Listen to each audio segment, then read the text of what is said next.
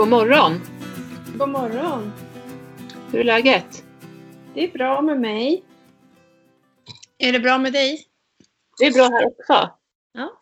Och det har väl gått lite upp och ner helgen kan jag väl säga, men jag kan berätta mer om det snart. Men annars är det väl bra i stora hela. Ja. Hur gick det för dig på, på tävlingen då? Ja, det gick faktiskt jättebra. Vad kul! Jag hade ju med mig tre hästar. Ja, Ehm, Shaman, Gamri och Oris. mm. Och alla de var ju på Lovisedalsritten också den 26 september. Så det här blev då eh, ja, drygt två veckor efter. Mm, jag vet att du sa då att du hade bokat in Orust då på en tävling. Jag vet Ja. att du nämnde var ju. Mm. Eh, och sen så fick det bli så att eh, Emma som eh, tävlar i Euforian och eh, även tävlar lite distans nu då. Hon fick rida Gamji. Mm. Och Nicole som tävlade schaman på Lovisedalsritten hon eh, tävlade honom även här på Mälardalens höstritt som den här tävlingen hette. Mm. Och jag rid Oris. Ehm, och eh, ja, det var ju ja, vi var i Romfartuna. Det var ungefär eh, två timmar hemifrån mig. Så det var första, första tävlingen på lite längre avstånd som eh, Orus åkte på i alla fall. Mm. Så det var ju nytt och jag tänkte att vi får se hur, hur han tar det. För det är ju en ny grej som, som han behöver hantera med liksom, eventuell stress och sådär. Mm. Han är ju en väldigt eh, speciell häst. Det är inte bara liksom att, att ja, sadla på och, rida som en vanlig häst eh, brukar vara. Utan han, med honom så får man liksom alltid anpassa sig efter honom och hans eh, sinnesstämning och dagsform och så. Mm. Eh, Så um, vi kom fram i alla fall, men den här gången så, så hade jag inte ens tänkt att vi inte skulle få starta, utan jag hade liksom en väldigt bra och positiv inställning från början eftersom vi klarade det förra gången. Mm. Eh, Och hästen ska ju inte ha för hög puls i förbesiktningen heller. Han ska ju ha högst 60 slag per minut. Ehm, och eh, ja, som jag tror de flesta vet så går ju pulsen upp om man blir stressad och så är det ju även för hästen. Så ehm, ja, vi, eh, vi gick upp och skulle veterinärbesikta och den här gången var det bara en veterinär så att vi kunde inte gå in tillsammans med hästarna utan de, vi fick gå en i taget och de andra stod lite utanför en bit. En Okej. liten bit bara. Mm. Eh, Det kan ju vara en situation tänker jag för hästarna då när de liksom går iväg ensamma. Jo men precis. Eh, och jag var lite så här, okej hur ska vi lägga upp det här? Ska Oris gå först eller i mitten eller hur ska vi göra? Men han fick gå först i alla fall. Ja. Eh, och han var lite så han ville inte riktigt stå stilla och han försökte snurra omkring och så. Men eh, jag har ju ganska mycket erfarenhet av att hästar gör så tidigare. Så att jag har ganska bra så här, pli på dem. Eller jag vet hur jag ska göra. Man står framför och så håller man liksom ut tyglarna lite åt varsitt håll. Mm. Nästan så att man styr hästen. Mm. Eh, och sen nu i eh, coronatider så får man ju bara vara en person per team inne hos veterinären. I vanliga fall får man ha med sig en extra medhjälpare och då kan den personen stå på motsatt sida och så kan man liksom stå på varsin sida om hästen så att den känner sig liksom att den ska stå still och inte kan gå åt något håll. Men eh, det fick jag sköta själv nu då. Så att jag hade fullt sjå med att försöka få honom att stå still och han ville liksom titta lite på saker och så. Men eh, han hade i alla fall 56 slag per minut i puls så att han klarade första besiktningen. Mm. Eh, och Shaman och Gamri gick också igenom och fick starta. Vad roligt. Ja, ja men det är alltid så här att få starta i alla fall. Det måste vara en skön känsla liksom att man vet att yes, check på den. Ja, jo men verkligen. Mm. Ehm, ja, och eh, det var inte så jättelång tid kvar då efter besiktningen till att vi skulle sitta upp och rida. Eh, så starten gick klockan 10 på morgonen. Mm. Och eh, vi hade bestämt att Shaman han skulle ju liksom gå i ett helt annat tempo. Han skulle ju gå för vinst. Just det. Ehm, så att Nicole fick sköta sitt och liksom satt upp på honom och red iväg. Och jag sa till henne att det är bäst att du liksom håller dig någon annanstans. För att annars kommer våra andra hästar bli lite upprörda om schaman helt plötsligt galopperar iväg och de inte får göra det. Mm, verkligen. Ja. Så att jag satt väl upp typ fem minuter innan start för att jag och Emma vi skulle inte rida iväg samtidigt som de som rider snabbt för då blir det liksom jättestökigt. Med, ja. Man ska sitta och bromsa och sådär. Mm, just det. Mm. Och det är mycket planering tänker jag. Man har ju liksom varenda moment man måste tänka till och som du säger olika individer på häst också liksom, så måste man tänka som du säger just att inte rida iväg när de andra drar iväg och så vidare. Nej. Och det är ju ganska unikt i distansritt att vi har ju massstart. Alltså vi startar alla tillsammans samtidigt. Ja. Och um, i den här tävlingen så var det ju 19 startande jag för mig. Så det var ja. inte jättemånga. Nej. Men i alla fall, på, är man ute på ett fält liksom så, så är ju det en väldigt exalterande grej för hästarna oftast. För det är inte något man tränar på hemma. Eller det är svårt Nej. att träna på det hemma. Mm. Men jag satt upp i alla fall kanske fem i tio. Och jag har min airbagväst då. Som jag ska haka fast. Annars är den ganska värdelös. Om vi hakar fast den alltså i... Vad hakar du fast den då? då? I de här mm. D-ringarna där man brukar kunna knäppa fast martingall eller brösta på sadeln. Ah, okej. Okay. Där kan man haka fast. Och sen så finns det även en, en eh, rem som man kan sätta på sadeln om man vill kunna haka fast i stigläderhållarna till exempel. Mm. Men jag skulle haka fast mig då, då. Men det var inte så lätt för eh, Oris, när jag satt upp så var det liksom som att sitta på värsta berget. Alltså han sköt rygg jättemycket. Och det är sånt där han kan göra innan han bockar. Oj då. Mm. Så jag tänkte okej, okay, eh, jag avvaktar lite med det här för jag vill inte hålla fast honom heller. För det, alltså hästar gillar inte att bli fasthållna, speciellt inte om de redan är spända. Nej. Så min eh, mamma som var med hon kom fram och bara, ska jag hålla i honom? Jag bara, nej, gör inte det. Det blir bara värre. Utan okej, okay, jag skrittar lite framåt. Och så hakade jag fast mig i farten. Eh, jag stod lite lätt upp i stigbyglarna och det brukar jag göra även när jag rider in hästar. Eh, för att inte liksom sätta sig i sadeln om hästen är lite äh, spänd eller så. Mm. Så, så ja, han, han stod ju typ still på stället och liksom steppade och var så här eh, som en... Ja, men det kändes lite som att sitta på någon gunghäst eller en sån här eh, som man kunde rida på när man var liten. En sån här häst man stoppar in typ en, en peng i och så liksom mm. så här fram och tillbaka. Ja. ja. Eh, och så jag tänkte okej, okay, får vi se hur det här går då. Ja. Så jag sa till Emma, okej okay, ta täten och så liksom skrittar vi runt det här hästsläpet som stod precis vid oss. För då höll vi oss en bit bort från startfältet. Och eh, de kunde fokusera på att bara gå på en volt runt ett hästsläp. Liksom. Ja, just det. Så vi höll oss där. Och eh, ja, han slappnade väl av lite grann i alla fall. Sen så gick starten och eh, när vi såg att de andra började rida iväg då började vi skritta bort mot starten. Och det var, det var väldigt ojämnt och mjukt just eh, där man gick ut på slingan. Så att vi skrittade liksom hela vägen ut tills vi kom till en liten bättre väg. Hur långt var det då, ungefär som du skrittade? Eh, det var ju bara, alltså vi skrittade kanske fem minuter först och sen ja. så kom vi ut mot en grusväg. Och det jobbiga för oss var då att den grusvägen var väldigt lång. Så att våra hästar såg de som låg längst fram. Väldigt okay. Och då, alltså de bara var ju fokuserade på det hästar där framme liksom, och så blev de så taggade. Mm. Eh, och det, är ju, alltså det var ju kul att de det märktes, det märktes att de tyckte det var roligt. De blev väldigt exalterade och liksom ah, jag vill ikapp, jag vill ikapp. Så här. Ja. Eh, men eh, första kilometern då var det ju typ bara att försöka alltså, andas och mm. överleva. Nej men så farligt var det inte. Ja.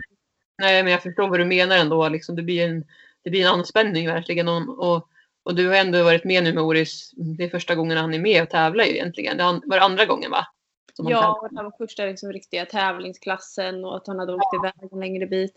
Så och plus att du har lagt mycket tid och jobb på honom som innan, innan du har liksom tagit det här steget. Exakt, och tidigare har inte han kunnat hantera om han blir spänd utan då har ju han liksom typ fått panik och bockat och då är det inte kvar. Alltså det, Mm. det är inga små bocksprång utan det är du flyger av. Ja. Eh, och men eh, i alla fall där i starten så var ju han och Gamji. Gamji är sex år och Oris är sju så att de är inte så gamla heller. Eh, Nej. De, var ju supertaggade och höll på liksom eh, kunde inte riktigt skritta eller trava utan det var någon form av typ galopp på stället nästan. Ja. Och Gamji han drog någon riktig bock där med Emma. Men eh, hon har ju bra balans som tur är så hon satt ju kvar. Mm. Vilken tur då. Och sen Orys han liksom Ja men det var verkligen, han gjorde så här typ som luftsprång framåt. Eh, Det var som att han, jag vet när man gör en galoppfattning ifrån skritt och hästen liksom hoppar in i galoppen. Mm. Fast den hoppar väldigt kraftigt och bara rakt fram. Liksom. Ungefär sådana gjorde han. Okej. Ehm, men det var ju bara utav att han var exalterad och liksom bara kom igen framåt. Ja. Så um, ja, alltså jag var ju ändå väldigt glad att han inte, han fick ju inte panik liksom. Utan han Mm. var ju bara supertaggad och tyckte att jag var jättejobbig som inte lät honom galoppera ikapp de andra. Mm. Eh, och Gamji han, han höll väl med om det fast han var lite mer så här. Ja, jo jag vill ju springa ikapp men, men det är okej. Jag är i alla fall här bak med Orys liksom. Men sen efter typ, ja vad kan det ha tagit? 5-10 minuter till då, då försvann de andra runt ett hörn. Så att då såg de inte de andra hästarna och då successivt så började de ju slappna av mer och mer. Mm. Eh, sen så tycker jag ändå att alltså, allting gick toppenbra på tävlingen. Eh, jag har lite träningsverk i axlarna och även lite i vaderna. Men axlarna är för att Orus han var, han var ju så taggad till och från. Och liksom ryckte i tyglarna och, och ville framåt väldigt mycket. Så att då fick jag hålla emot. Och vaderna är säkert också därför. För jag har stått lite i lätt sits liksom och, och bromsat upp honom lite. Mm. Det är inte konstigt ändå. Nu kanske du sa det, men hur, hur, lång, hur lång var ritten? Eller tävlings... Det var fem mil. Ja, det var fem. Ja, just det. Och vi hade ju tänkt rida på typ, vi siktade på 11-12 kilometer i timmen i genomsnitt. Eh, in- Man fick rida som långsammast 10 kilometer i timmen. Så vi ville, ville hålla oss lite över det. Mm. Men eh, ute på eh, ute på den ena slingan, jag tror att det var på den första. Då träffade vi på en, en tjej som jag känner som hade problem med sin häst. Hon hade suttit av och stod, stod vid en gård med hästen. Okej.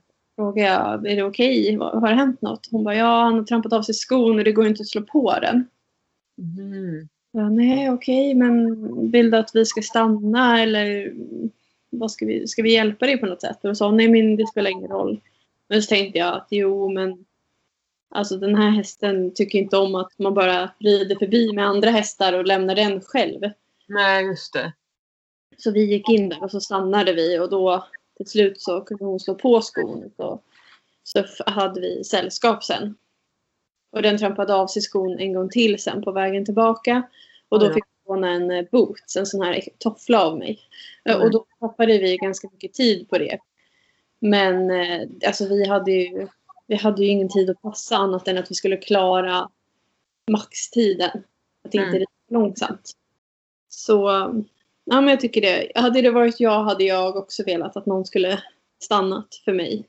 Ja, men eller hur. Jag håller med. Jag tyckte ni gjorde helt, helt rätt. Ja, det var inte som att vi var ute och tävlade alltså för att vinna. Vi Nej. förlorade ingenting förutom tid på att stanna. Men, Men ni kom i mål i tid som du sa, alltså som, nu, som var målet. I- ja, innan det gjorde vi. Ni stannade och hjälpte till och hade sällskap. Jag tror Ja. att vi fick eh, eh, 10,8 kilometer i timmen eller något sånt i genomsnitt. Det var ju bra. Ja. Eh, och eh, hästarna var jättepigga och fräscha i mål. Eh, Orus hade lägst puls i mål. han, Mm. Alltså, han blir lugnare och lugnare och bättre och bättre ju längre han springer. Vilket är Ja. såklart en bra egenskap hos en häst som ska gå distans. Då, då. Ja. Så um, han hade väl eh, ja, 52 i puls eller något sånt när han gick i mål. Mm. Och eh, travade upp superfint. Jag fick, jag fick väldigt mycket beröm, om, eh, beröm för Orys av veterinären. Det var min landslagsledare och landslagsveterinär som eh, tittade på hästarna på tävlingen och eh, hon tyckte att Orys var jättefin och att han rörde sig helt fantastiskt bra. Mm, vad kul att höra. Ja, det var jätteroligt. Så extra, extra kul. Ja, verkligen. Så jag och Emma och Gambri och Oris blev godkända och nu är de kvalade för åtta mil. Aha, okej. Men Det var det... Vad sa du?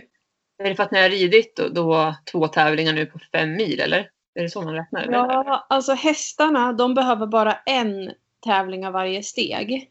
Okej. Och det är ju för att jag till exempel då som tävlar 16 mil inte ska behöva göra två stycken av varje steg på de lägre nivåerna. För att det tar ju så lång tid för mig då att kvala upp hästen. Och vad menar du med varje, med varje steg menar du? Ja, då är det en ryttare som inte har ridit alls förut. Den behöver göra två stycken clear round. Det Mm. var det vi gjorde på Lovisedalsritten. Och sen behöver man två stycken tävlingsklass 5 mil. Och sen två stycken tävlingsklass 8 mil för att komma vidare till nästa steg. Så. Ja. Men hästen behöver bara en. Och om hästen är sex år eller äldre då behöver inte den gå sån här clear round heller. Utan den kan börja med tävling 50 kilometer. Okej. Så att då sparar man ju lite tid för kvalande i alla fall. Mm. Lika lång tid. Ehm, Ja, men ehm, ja, de är kvalade för åtta mil. Och Mm. alltså, de kommer ju inte att tävla det i år såklart. Det är ju snart slut på säsongen. Ja. ja, apropå det, när brukar säsongen sluta? Ja, den brukar ju sluta nu i oktober egentligen. Men det är ju en tävling kvar, första november. Ja. för mig. Så vi får väl se om de går någonting i vår eller i sommar eller något sånt. Mm. Vilken tävlar de med då i november då? Då är det tänkt att jag ska tävla med Caruso. Men jag har det lite öppet om jag ska ta schaman istället. Faktiskt. Ja. Berätta, hur gick det för schaman då? Ja, det var ju så att schaman, han vann ju. Ja, Ja, kul. det var jättekul. Så jag Eh, grattis till Nicole. Det det Ja. var hon som honom va? ja, Mm. Nicole och schaman, de gjorde en superbra ritt. Mm. Eh, och han, eh, han är ju lite seg på att pulsa ner. Han, han har lite så här inre stress i sig, precis som Orut har. Så Ja. efter första slingan så tog han 11 minuter på sig att pulsa ner. Och då innebar det att han tappade eh, tid på dem som var snabbare än honom. Mm, okej. Så, för du, ja, när man kommer in från slingan då fortsätter klockan att ticka som att du rider tills du har pulsat in hos veterinären. Då stannar din tid. Okej. Ja, så att de som då var snabbare än honom, de fick ju gå ut tidigare på slinga två. Mm. Så jag tror att han låg fyra eller fem minuter efter den som ledde när han gick ut på slinga två. Ja. Men det red hon i kapp och eh, sen vann de med över en minut. Så hon, eh, Nicole ökade på tempot där. Jag vet inte hur långt innan mål men någon, någonstans så drog hon ifrån. Eh, de var ju en klunga som red tillsammans. Och det gick Ja. inte spurta på det här eh, underlaget som var vid målgång. Alltså det, var, det var, hade varit jättefarligt att spurta där för det var alldeles för mjukt och håligt och så. Så att då Ja. bestämde skulle rida ifrån dem tidigare. Så hon provade att öka på tempot och då hakade inte de andra på. Var det bland annat det som gjorde att hon vann för att hon drog ifrån dem? Ja, Men blir det inte liksom sura miner och sådär då, då? När man rider ifrån? Jag tänker man rider ju mycket tillsammans liksom men när, när man sen då särar på sig, hur, hur funkar det liksom rent tävlingsmässigt? Och hur, hur gör man? Eh, Det är ju först i mål som gäller, men precis som du säger så är det ju ofta så att man rider tillsammans med någon. Eh, Ja. Och speciellt rider du 10 mil, 12 mil eller 16 mil, då rider du ju så länge och så många slingor att du vill ha sällskap. Ja. Du kan ha sällskap och ha trevligt och så, men när det väl börjar gälla seger, då Ja. vet alla att alltså, antingen så, så hakar jag på det här eller så släpper jag den här personen. Mm. Och till exempel då på fem mil, då brukar det kunna vara så att det blir en upploppsspurt rejält. Eh, men på de längre distanserna då kanske det är så att det är någon som startar två minuter innan sin konkurrent inför sista slingan. Och då när den startar då har ju den två minuter försprång och då kanske den ökar tempot jättemycket för att inte den andra ska kunna rida i kapp. Just det. Mm. Eh, sen så har jag varit med om att jag har haft sällskap hela vägen till mål och då sagt att nej men jag, jag kommer inte spurta bara så du vet så att du får gå före mig. Mm. Eh, och då kan det ibland vara så att den andra personen också säger att nej men jag vill inte heller spurta. Antingen rider vi tillsammans samtidigt över mållinjen så får vi se vem som vinner. Mm. Eller så släpper man fram en av dem. En, en av, eh, Mm. så. Ja, vad- ja, det låter roligt. Ja, Det, men är- det, är ändå, det är ändå lite teamwork fast det är ändå indiv- individuellt liksom. Så. Eller man kan rättare sagt välja lite ju. ja, När vad man vill. Ja. Jo, man stöttar ju verkligen varandra just när man rider de här längre distanserna. För att det är jobbigt mentalt både för hästen och för ryttaren. Ja, men jag kan tänka mig det. Liksom, om, om, all, om det skulle verkligen vara så att tävling hela vägen från start till mål. Liksom, om man inte, det, det skulle kanske inte bli lika roligt då tänker jag. Nej, Det blir säkert som du säger att man rider tillsammans och man utmanar sig själv och sina hästar och liksom man, ja, man har kul längs vägen. Och så kan man också välja tänker jag då. Vill jag spurta eller vill jag inte liksom. ja, Mm. ja precis. Man, eh, det är väldigt trevlig stämning oftast. Ja. Det är det. Eh, Ja, och sen jag gillar ju när det är mycket taktik. Ja. Eh, Jag vet att den här slingan var eh, en del skogspartier och sånt där på slinga två. Eller Mm. den tävlingen var det det. Men eh, då till exempel om du har en häst som schaman. Då kan man eh, kanske rida i lite högre tempo där än vad de andra kan. För att han är så otroligt säker på vart han sätter ner hovarna. Mm. Så att han kanske kan galoppera någonstans där de andra bara kan skritta eller trava. Och då kan det ju vara taktiskt och liksom rida ifrån successivt på de ställena. Mm. Eller rida lite snabbare i svängar och sånt där. Alltså vi tränar mycket på sånt hemma. Mm. Att vi ska kunna galoppera överallt. Och det vinner man mycket på i längden.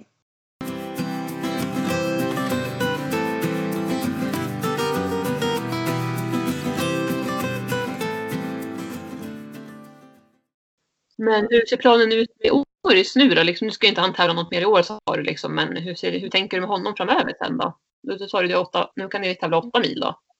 Precis. Och eh, ja, det har ju verkligen gått snabbt det här. Ja, verkligen.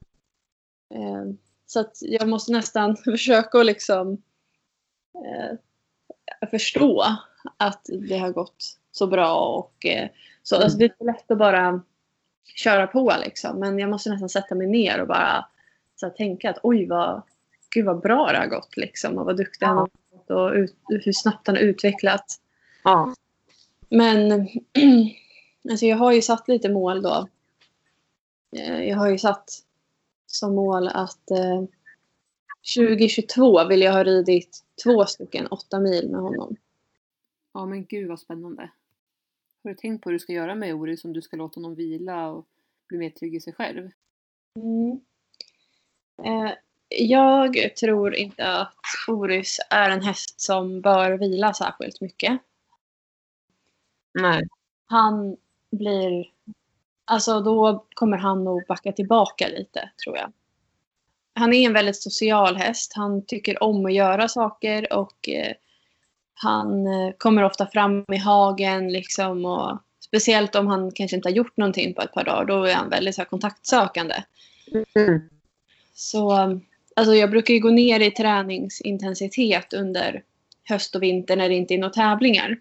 Men eh, jag brukar alltid hålla igång hästarna för jag upplever att de, de tycker om det. De kanske får någon, någon liten period typ kring jul och nyår då de kanske vilar någon vecka eller så. Men generellt så tycker jag att de, alltså de blir nästan lite rastlösa och det är Mm. bättre att man har lite mer aktiv vila så att de, de rör på sig men det är inga tuffa träningspass. Nej, du har ju helt rätt där och jag går ju i tankar hur jag ska träna Abbe här nu under höst och vinter för han är ju väldigt lik Oris, sådär känslig, lyhörd, kontaktsökande och vill liksom göra saker och behöver motioneras. Eh, alltså vi har ju vår ridbana och den kommer ju frysa på och bli hård och liksom snöig under vintern. Och vi har ju inte varit ut så mycket i skog och marken så att han har liksom fått tränat och fått upp balansen och såna här saker och, ja, i skog och mark. Så att det kommer bli en utmaning för oss. Och så har vi ju ridhus en 30 minuters skrittpromenad eh, ifrån. Men jag menar eftersom att vi inte varit ute så mycket i skogen än och så, så, så kommer det här bli en utmaning. Och sen har vi inte haft möjlighet att heller att lasttränat och liksom, jag har inte kunnat åka iväg med honom än. Det är det som är lite oroväckande för mig, hur vi ska ta oss igenom vintern. För det första så är det hans första liksom, vinter med snö. Så att det kommer bli väldigt spännande att se hur, hur han tar det här. Men eh, samtidigt så är det ju bara att, som vi gör nu, vi ligger i med träningen och försöker göra mycket övningar från marken och stärka upp honom och, och det är ju så att det går ju liksom inte att forcera saker heller bara för att man själv har det i sin agenda liksom. Men hur den är så behöver han ju motion och behöver röra på sig för att annars så kommer han att gå i taket. Även om det går att träna hästarna så att de får använda sitt huvud liksom och tänka och göra sådana typer av övningar i stallgången och så här så tror inte jag att det kommer räcka för honom. Han måste få springa och röra på kroppen. Oftast rör de ju sig mindre i hagen också på vintern. Och det gör ju att de också får mer energi. Ja. Nej, så att fortsättning följer på den biten.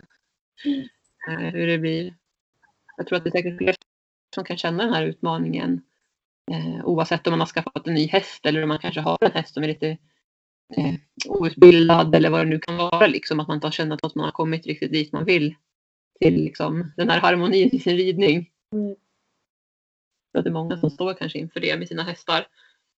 Ja, och sen blir det ju också värre om man nu då får ett bakslag eller att man har en paus och inte rider hästen på ett tag så kanske den blir ännu mer energisk och det blir ett större steg att eh, ta sig upp på hästen igen. Mm. Verkligen. Men eh, ja, man, man får liksom försöka hitta något sätt att komma runt. Eh, vi, vi har haft jättedåliga vintrar här också. Eh, ja. då, alltså vi har typ bara kunnat skritta och trava ute. Vi har knappt kunnat galoppera. Nej. Och då får man ju ha det så. Då får man ha det så. Ja, då får man försöka att kanske klättra lite i skogen eller göra någonting annat då om det är bättre underlag där till exempel. Ja. Jo, det är ju som du säger en fördel när det fryser på. För då kan man röra sig lite bättre i skogen. Nu är det ju så lerigt plus att också älgjakten har börjat ja. nu. Det var väl igår den började. Får man vara lite försiktig och röra sig i skog och mark också ju. Mm, precis.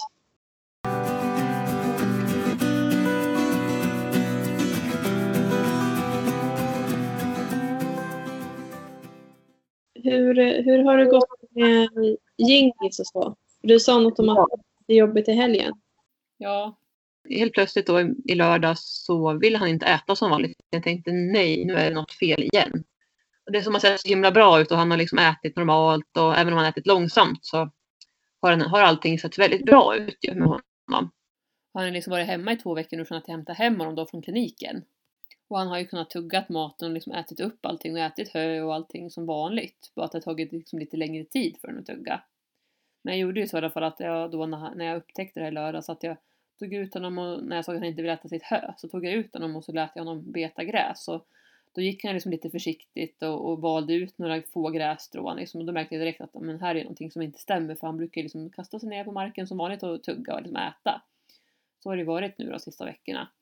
Eh, men som sagt, då var han lite mer kräsen och så. Och eh, då förstod jag att ah, men nu är det någonting på gång. Och mycket riktigt efter ett tag så kom ju liksom gräset ut igen. Jag tänkte nej, vad är det här? Och så in med honom i boxen. Så han fick stå inne då. Jag tempade. Han hade lite förhöjd temp än vad han brukar liksom. Nu kommer jag inte ihåg precis nu på rak arm, men det var strax under 38 och det räknas ju egentligen inte som feber. Men jag tänkte att jag ska ha lite koll här nu och tempa honom och sådär för att någonting är det ju ändå då. Eh, och sen så, så, när jag tittade där under hakan, liksom där vid frakturen, så var det som ett litet, litet, litet liksom skrap. Alltså pälsen var borta på ett litet ställe, men det syntes liksom ingenting. Det var inget kladdigt eller någonting sånt där. Så jag tänkte faktiskt inte så jättemycket mer på det. Jag tänkte bara, ah, men vad konstigt, han lossnat lite päls liksom. Och idag så vet jag ju mer vad det var för någonting, men det visste jag ju inte då och det är ju lätt att vara efterklok. Så jag kände att jag ville avvakta och sådär och tänkte att jag måste ju försöka få igenom mat. Så att jag gav honom lite Metacam då som jag hade hemma sedan tidigare då. Efter några timmar så åt han ju mycket bättre sen då, så det var ju bra.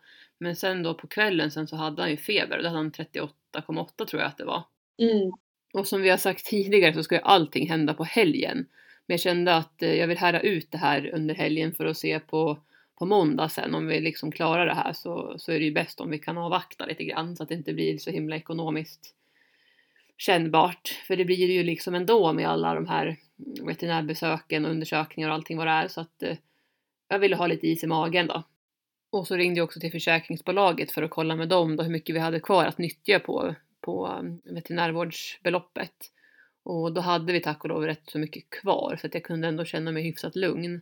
Men det är ju så också, ska han operera så tickar det ju på. Mm. Och sen då på söndag morgonen när jag skulle gå ut och ge dem frukost så såg jag ju att det var som ett litet hål där. Där pälsen hade försvunnit. Och så var det som lite varigt och kladdigt där.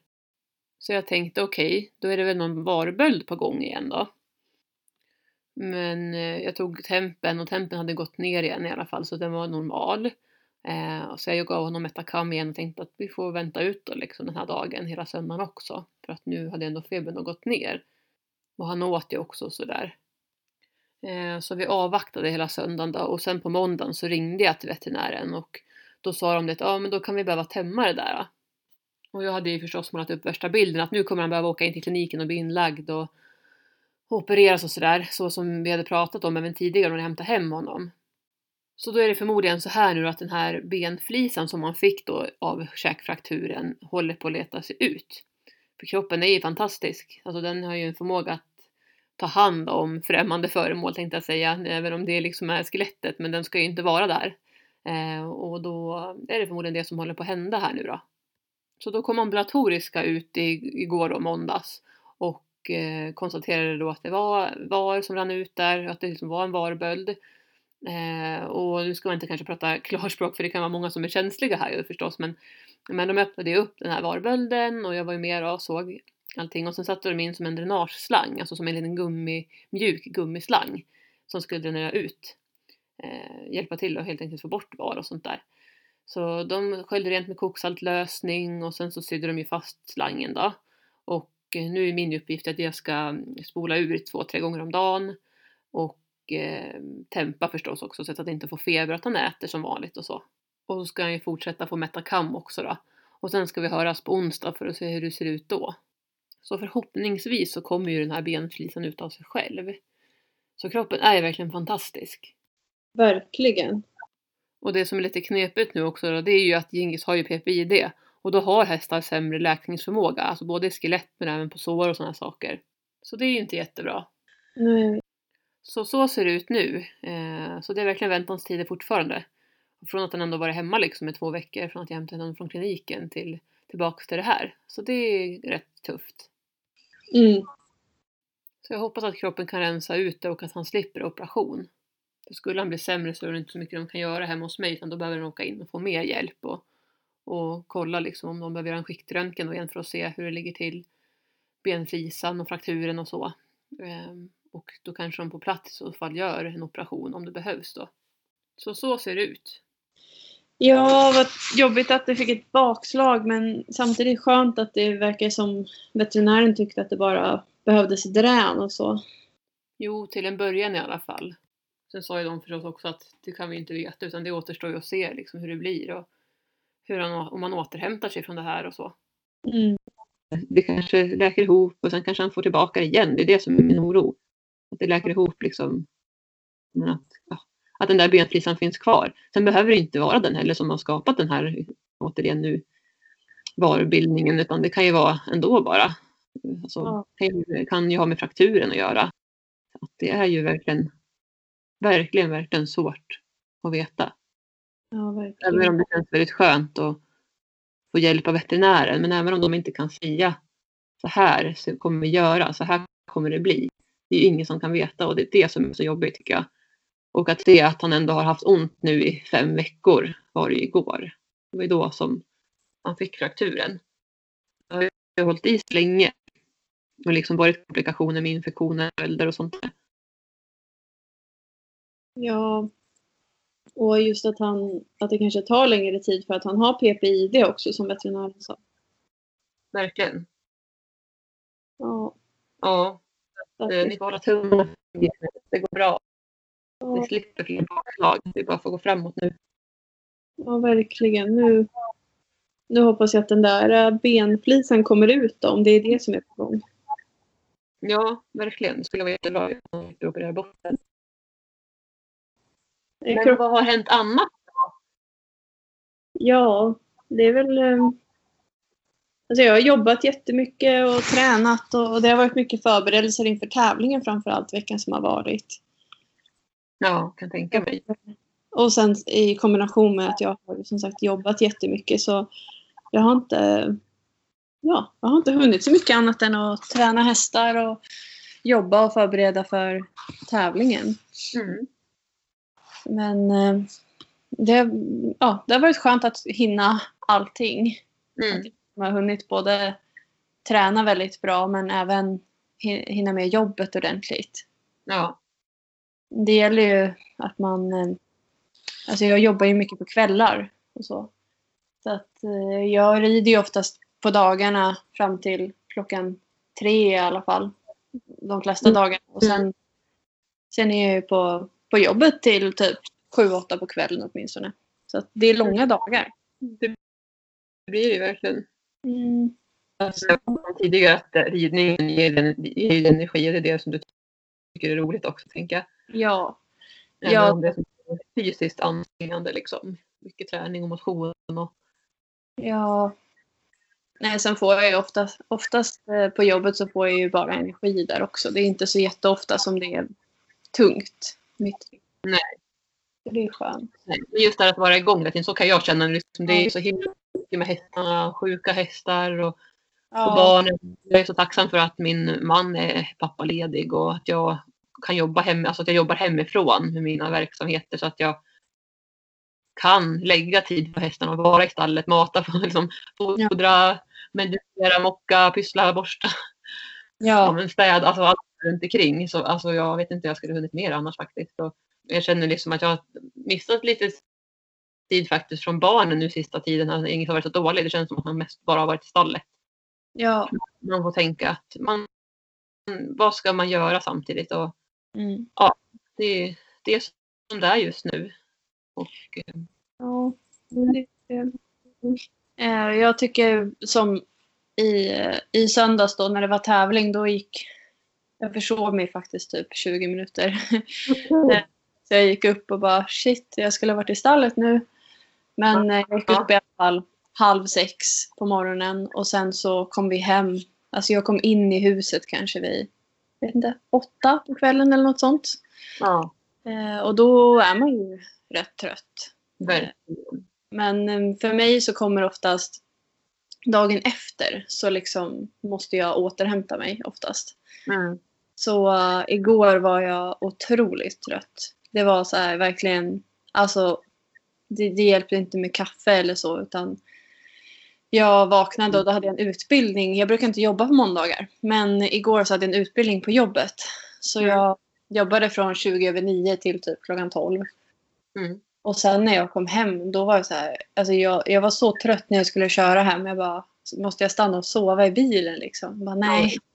Ja. så jag var tvungen att stanna och handla lite också. Och så gjorde jag det och sen kom jag hem och bara, nej nu måste jag sova. Jag, för Ja. jag hade hästar jag skulle träna och sådär igår. Men jag kände att jag får sova någon Ja. timme i alla fall. Och sen så går jag upp och så får jag vara ute lite senare då istället.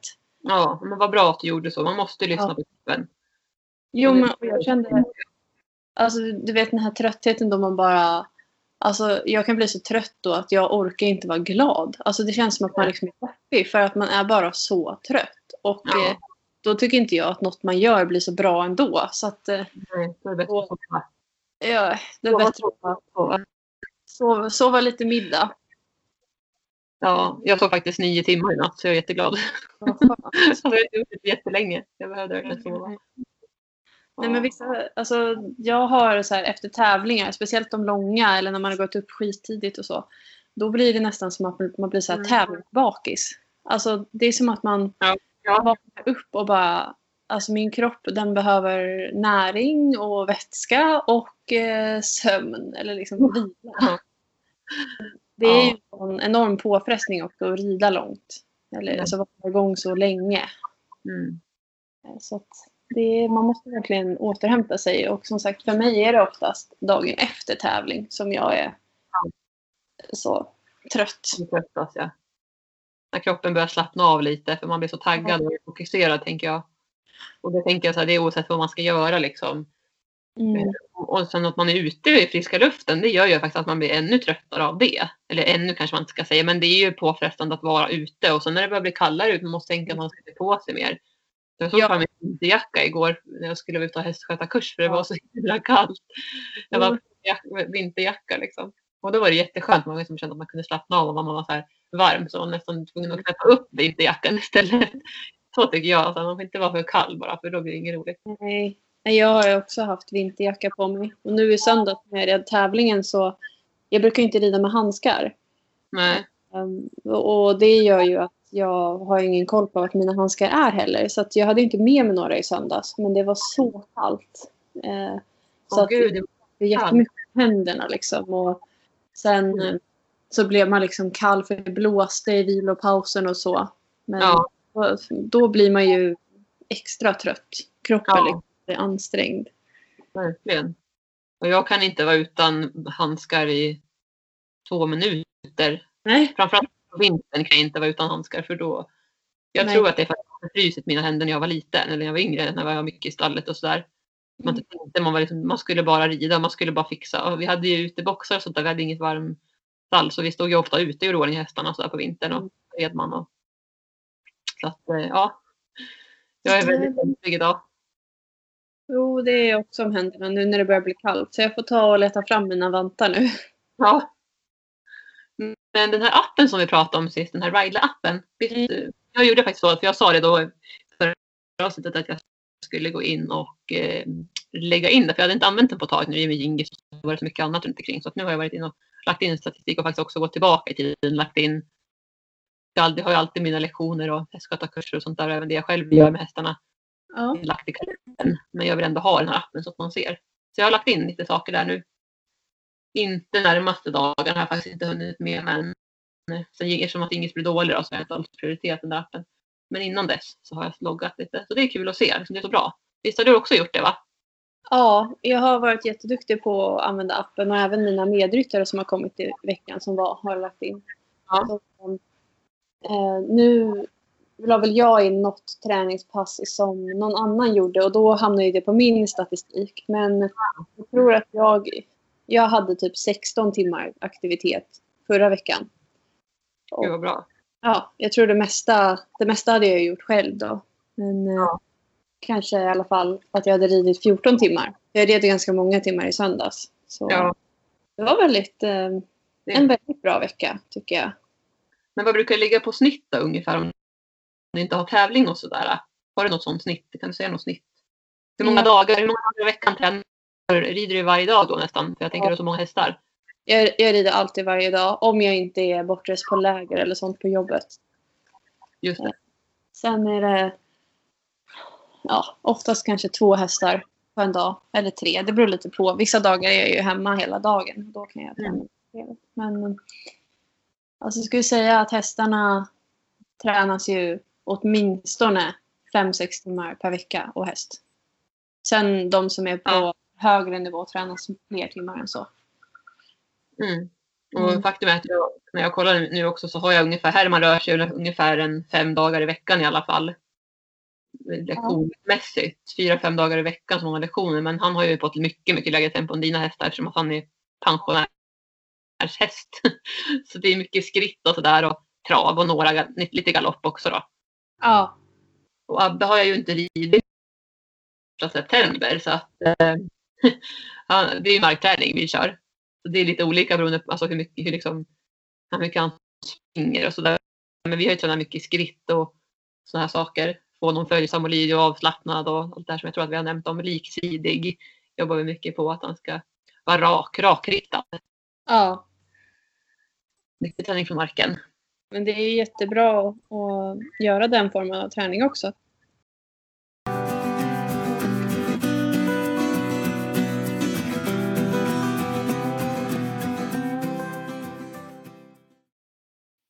Jo, jag ska säga en annan sak. Det var så kul för att jag hade ju barnkalas här med Herman i lördags då. Eh, och eh, då var det en pappa som sa det, som frågade hur sladdar ni ridbanan? Bara, Använder du hästen till det? Jag bara, nej, det gör jag inte, men jag har ju tänkt på det liksom sådär. Och då så sa han, ja men det skulle ju vara jättebra. Bara, ja, och så tänkte jag liksom efter på det där också sen senare när jag kom in sen på eftermiddagen. Och bara, det var ju faktiskt ganska smart, Varför gör jag inte det för liksom? Så att jag är lite inne på det nu att skaffa en sera åt honom så att han kan få dra harven efter sig. För att vi har ju nu barnens lilla fyrhjuling så här, eh, den orkar ju knappt mig liksom så att det blir ju de som får, dra, som får köra omkring på den där harven och de tycker inte det, att det, att det är jättekul längre faktiskt. De tyckte det i början sådär men nu har de liksom gjort det där så många gånger så de är lite less. Och då tänkte jag att ja, men det kan ju faktiskt vara en bra sak och då får ju även Herman jobba. Och Herman har ju dragit vagn och sådär tidigare men det var visserligen ganska många år sedan då när jag bodde hemma hos mina föräldrar så att det var ju liksom det är ingenting han har gjort nu, men jag tror ändå, han är liksom inte bakhugg sådär, så jag tror att han skulle tycka att det var väldigt kul. Ett annat bra liksom, sätt att träna också nu när han börjar bli lite mer pensionerad och inte ska ha så mycket vikt på ryggen och sådär. Ja. Spännande. Ja. Nu vet jag inte om vi kommer hinna ta tag i det nu just den här säsongen för snart blir det ju tjäle och liksom fryser på och sådär. Men eh, jag tänker till nästa säsong i alla fall. Och så gäller det att Herman får vara frisk och sådär förstås. Eh, men är han det till nästa säsong så vore det ju toppen att köra igång med det då. Det är liksom ett roligt mål. Ja, verkligen. Så kanske det är någonting som Abbe kan göra, jag har ingen aning. Men det kan också vara någonting att testa med honom sen när han blir trygg. Ja, vad spännande. Ska vi säga så då för den här veckan? Ja, det får vi göra. Så får vi återgå till våra aktiviteter. Jag ska faktiskt ut och bygga hagar här nu för att eh, vi har ju två hagar som håller på att göra ordning inför vintern och så. Ja. Vad ska du göra? Ja, jag, ska, jag tror att kanske mina ryttare är ute i stallet och väntar på mig nu. Jag ska Ja. ta och eh, rida lite. Jag har några hästar på listan idag, eller ganska många. Ja. De som eh, har tävlat tar det lugnt fortfarande men de kanske ska skritta lite bara för att få ut lite slaggprodukter och sådär ur kroppen. Ja, det låter bra. Ja. Ja, men då... Ja, då får du en fin dag. Alla lyssnare får också ha det så himla bra så hörs vi snart igen. Ja, ja, ha det så bra allihopa. Hej då! Kram kram! Kram kram!